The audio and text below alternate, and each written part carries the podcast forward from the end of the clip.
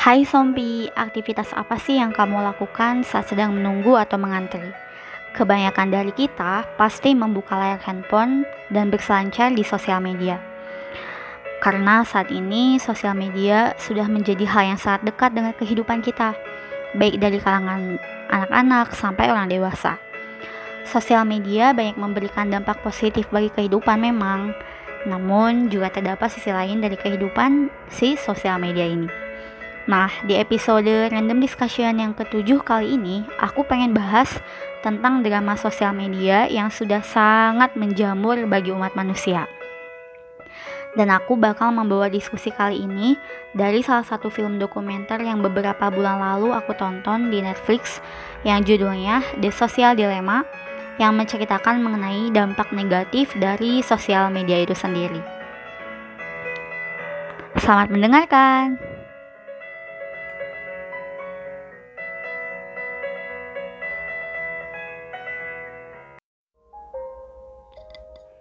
Di dalam dokumenter ini, menariknya terdapat beberapa wawancara dengan orang-orang di balik layar Facebook, Twitter, Instagram, dan juga platform media sosial lainnya. Ironisnya, mereka yang dulu bekerja untuk menciptakan platform media sosial ini kini menjadi khawatir dengan dampak berkepanjangan yang akan terjadi. Kenapa sih bisa sampai kayak gitu? Dan tanpa disadari, satu platform bisa membawa dampak yang besar bagi 2 miliar umat manusia. The Social Dilemma ini tuh benar-benar membongkar dampak-dampak negatif dari sosial media itu sendiri. Di antaranya, beredarnya informasi bohong atau hoax, interaksi antar individu yang semakin menurun, kemudian bagaimana iklan di internet bekerja dan berdampak negatif untuk manusia, juga pengaruh kesehatan mental manusia hingga hal-hal yang berhubungan dengan politik. Di dalam film ini juga nggak cuma berisi cuplikan wawancara. Di film ini memberikan beberapa ilustrasi adegan dan itu bikin ngeri banget sih. Dan aku sebagai penonton pun nggak habis pikir lagi pokoknya. Kita bakal tahu dan paham bagaimana sebenarnya secara mendasar ada yang keliru dengan cara kerja dari sosial media itu sendiri. Bahwa teknologi yang bekerja dalam sosial media itu sudah beda sekali dengan teknologi yang sebelum-sebelumnya manusia gunakan. Katakanlah sepeda. Maaf ya, bawa-bawa sepeda mulu nih. teknologi sebelumnya tuh cuma menunggu kita untuk memakainya. Lihat aja sepeda. Dia diam dengan sabar sampai kita memakainya tapi sosial media ini menuntut kita untuk terus menggunakannya. Ini sama sekali ekosistem teknologi yang sangat berbeda. Dan yang paling ngeri, waktu salah satu narasumber di film dokumenter itu bilang, jika kamu tidak membayar, berarti kamulah produknya. Dan gak bisa dipungkiri sih, kalau sosial media itu telah memberikan banyak kemudahan untuk kita saat ini. Salah satunya adalah bisa membuat kita terhubung dan seolah menjadi sangat dekat dengan saudara, sahabat atau kawan lama yang ada di belahan bumi lain. Kita juga tidak bisa menampik fakta bahwa sosial media telah menciptakan sebuah keindahan yang menakjubkan dari relasi yang dimungkinkan oleh internet. Tapi sayangnya, di sisi lain, sosial media ini turut berkontribusi besar dalam kasus pencurian data, kecanduan teknologi, berita palsu, juga polarisasi di tengah masyarakat. Sebagian besar orang mungkin berpikir bahwa Google itu hanyalah sebuah mesin pencarian, sementara Facebook, Instagram, Twitter, dan sosial media lainnya sekedar tempat untuk melihat kabar terbaru dari teman-teman atau saudaranya.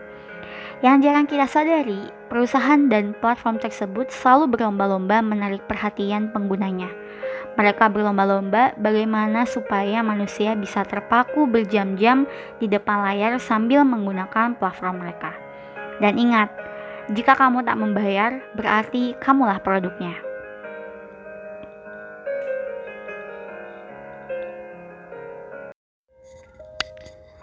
Kita juga sadar kan kalau banyak layanan di internet yang seolah gratis, namun sebenarnya tidak. Karena semua itu dibayar oleh para pengiklan Untuk apa sih pengiklan membayar layanan tersebut? Supaya iklan mereka bisa ditampilkan ke kita melalui layanan tersebut. Sederhananya, perusahaan teknologi dalam hal ini media sosial menjual perhatian penggunanya kepada pengiklan. Perhatian kita adalah produk yang dijual kepada pengiklan. Perubahannya tuh perlahan banget, kecil, dan emang gak terlihat dalam persepsi dan perilaku kita dan semua aktivitas kita di internet akan direkam menjadi sebuah data yang berharga bagi bisnis mereka untuk menentukan prediksi bisnis yang tepat. Semua kegiatan yang kita lakukan di internet benar-benar diawasi, direkam, dan diukur. Setiap tindakan yang kita lakukan direkam dan dipantau dengan hati-hati. Misalnya, gambar yang kita lihat dan berapa lama kita melihatnya, konten seperti apa yang sering kita sukai, komentari, juga kita bagikan. Coba deh aku tanya, kita sering gak sih nyari gak yang kita cari? Dan kita jadi scroll hal-hal yang gak berguna tapi bikin kita nyaman dan waktu kita jadi terbuang percuma. Dan ini benar-benar hal yang gila.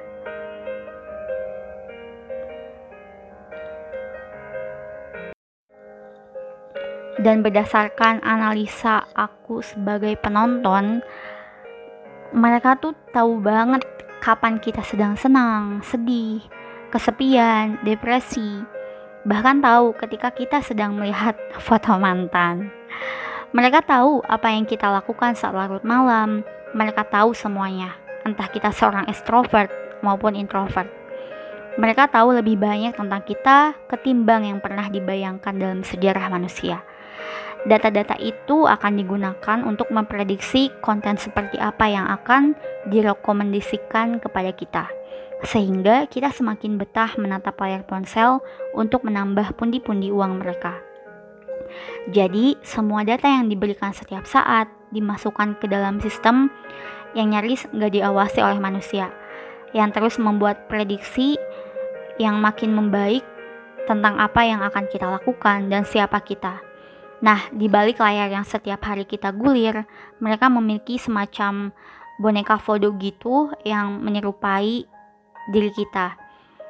Semua yang pernah kita lakukan, semua klik yang kita buat, semua video yang kita tonton, semua tombol like, semuanya akan diolah menjadi boneka foto yang terus berkembang dan menyerupai diri kita mereka tuh tahu ketika durasi kita dalam menggunakan media sosial itu lebih pendek dari biasanya.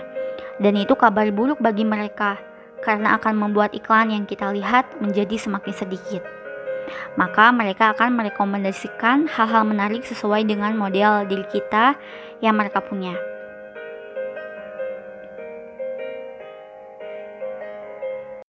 Dan parahnya, mereka juga tuh bakal tahu ketika durasi kita dalam menggunakan sosial media lebih pendek dari biasanya. Dan itu kabar buruk bagi mereka, karena akan membuat iklan yang kita lihat menjadi lebih sedikit. Maka mereka akan merekomendasikan hal-hal menarik sesuai dengan model diri kita, kemudian aktivitas teman atau keluarga kita, apa yang sedang dilakukan oleh orang yang kita suka, atau jenis video apa yang sering kita tonton dan ponsel kita tiba-tiba akan bergetar, layarnya kemudian akan menyala dan menampilkan notifikasi tentang sesuatu yang mereka rekomendasikan. Dan secara refleks, jari kita akan menekan notifikasi itu. Kita kembali membuka aplikasi mereka dan orang-orang di balik layar itu akan girang karena berhasil membuat kita kembali aktif menggunakan layanan mereka. Celakanya, ketika mereka tahu umpan yang mereka berikan berhasil menarik kita, mereka akan terus memberikan umpan-umpan berikutnya sehingga tanpa sadar kita akan terpaku. Hanya jari kita yang terus bergerak menggulir beranda sosial media kita. Selain itu, mereka akan berusaha membuat kita merasa tidak nyaman, kesepian, takut, tak pasti ketika kita tidak memegang HP. Sayangnya lagi, si sosial media ini tidak dirancang oleh psikolog yang berusaha melindungi kesehatan mental manusia. Teknologi sosial media ini hanya didesain untuk algoritma yang mahir merekomendasikan video berikutnya untuk kita tonton atau membuat kita bisa berfoto dengan filter. Nah, akibatnya media sosial tidak hanya mengendalikan perhatian kita, dia terus menggali lebih dalam ke batang otak, yaitu mengambil alih harga diri dan identitas seseorang.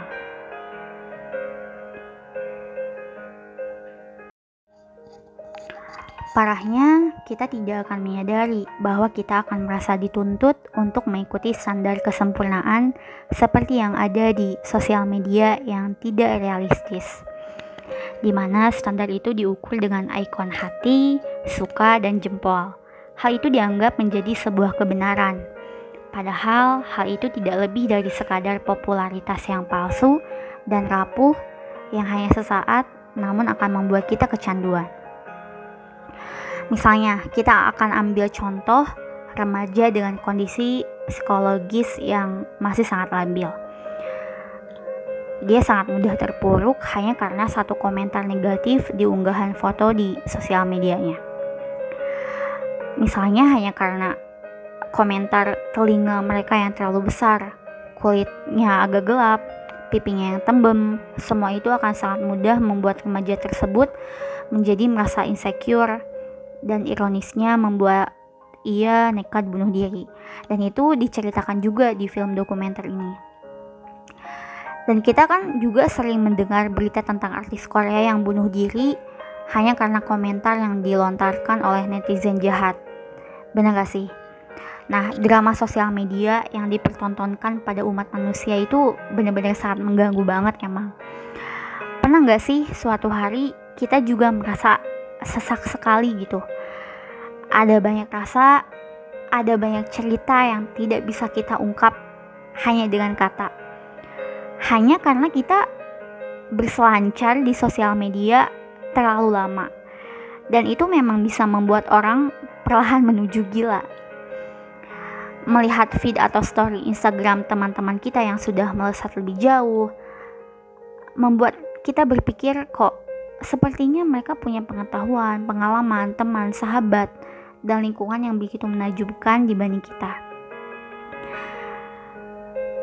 Hanya karena kita melihat ada yang sudah melanjutkan studi dan diterima di perguruan tinggi terbaik negeri, ada yang sudah bekerja di tempat yang diinginkan, kemudian mereka sudah mencapai semua mimpi-mimpi mereka, dan kita sontak berpikir jauh ke dalam diri kita dan kemudian muncul pertanyaan-pertanyaan pertanda insecurity. Kok kenapa sih aku tidak seperti mereka? Hidupku kenapa tidak semenarik mereka? Atau kenapa sih aku tuh gini-gini aja gitu? Parah kan? Nah, tidak ramahnya media sosial ini terhadap kesehatan mental dan psikologis manusia membuat kita terjebak dalam lingkaran kecemasan dan rasa insecure. Ah, untuk apa membandingkan diri di tengah kesempurnaan yang rapuh dan maya? Betul gak sih? Karena sosial media itu hanya menyuguhkan drama yang bahagianya saja, sehingga kita tenggelam dan lupa bahwa ada sesuatu yang lebih penting untuk diperjuangkan dibanding meratapi layar maya.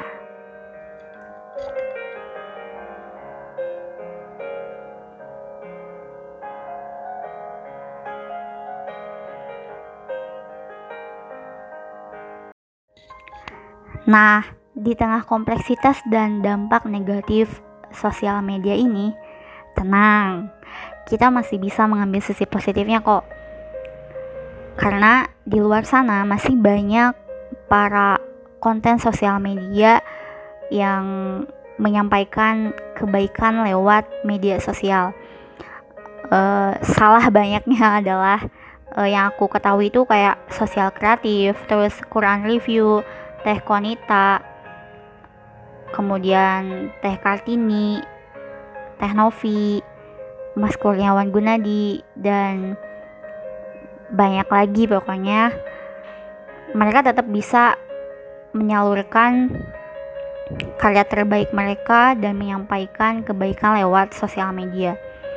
Dan setelah aku menonton film dokumenter ini, aku juga langsung nonton YouTube-nya Ustaz Felix Yao karena teman-temannya mendiskusikan hal ini juga. Dan aku menyimpulkan bahwa pada dasarnya sosial media itu ada sebagai tempat untuk menyalurkan kreativitas, membantu untuk memudahkan, memberikan informasi yang tepat, kemudian sebagai sarana berkarya dan menyampaikan kebaikan. Jika kita tepat dalam menggunakannya. Ya, tapi emang ada yang salah di sana. Dan yang salah adalah bagaimana bisnis yang dijalankan oleh orang-orang di balik layar sosial media itu. So, uh, aku cuma pengen nyampein kalau kita gak bisa menyampaikan kebaikan lewat sosial media ini, setidaknya kita masih bisa menjaga diri kita sendiri dan kita masih bisa juga menjaga kesehatan mental kita. Ya memang gak bisa dipungkiri saat ini kita berniat untuk menyampaikan kebaikan atau mungkin dakwah, tapi kadang di sisi lain secara enggak sadar kita juga akan terbuai karena sosial media tuh tahu banget apa yang bikin kita seneng karena dia memainkan psikologis kita. Kemudian di akhir sesi random discussion kali ini yang ingin aku sampaikan juga adalah yuk kita bareng-bareng memanfaatkan sosial media ini bukan lagi karena rekomendasi tapi harus dengan kesadaran diri kalau kamu hanya mensupport hal yang baik dan kamu mengklik karena kamu tahu kalau ini tuh baik. Semoga kita semakin cerdas dan tepat dalam menggunakan sosial media ya dan gunakan sesuai kebutuhan. Karena di dunia ini ada dua hal yang menyebut pelanggannya sebagai pengguna. Pertama, narkoba, kedua, sosial media. Contoh simpelnya tumbuhan ganja. Kalau misalnya dipakai tepat tuh ya gak akan diproduksi menjadi narkoba. Ya sama kayak sosial media, gak akan bikin kita tenggelam dan terpaku terus-terusan di layar maya kalau kita paham dan tepat dalam menggunakannya. So, jangan mau jadi manusia di antara drama sosial media. Kayuhan sepeda pamit. See you next episode. Wassalamualaikum warahmatullahi wabarakatuh.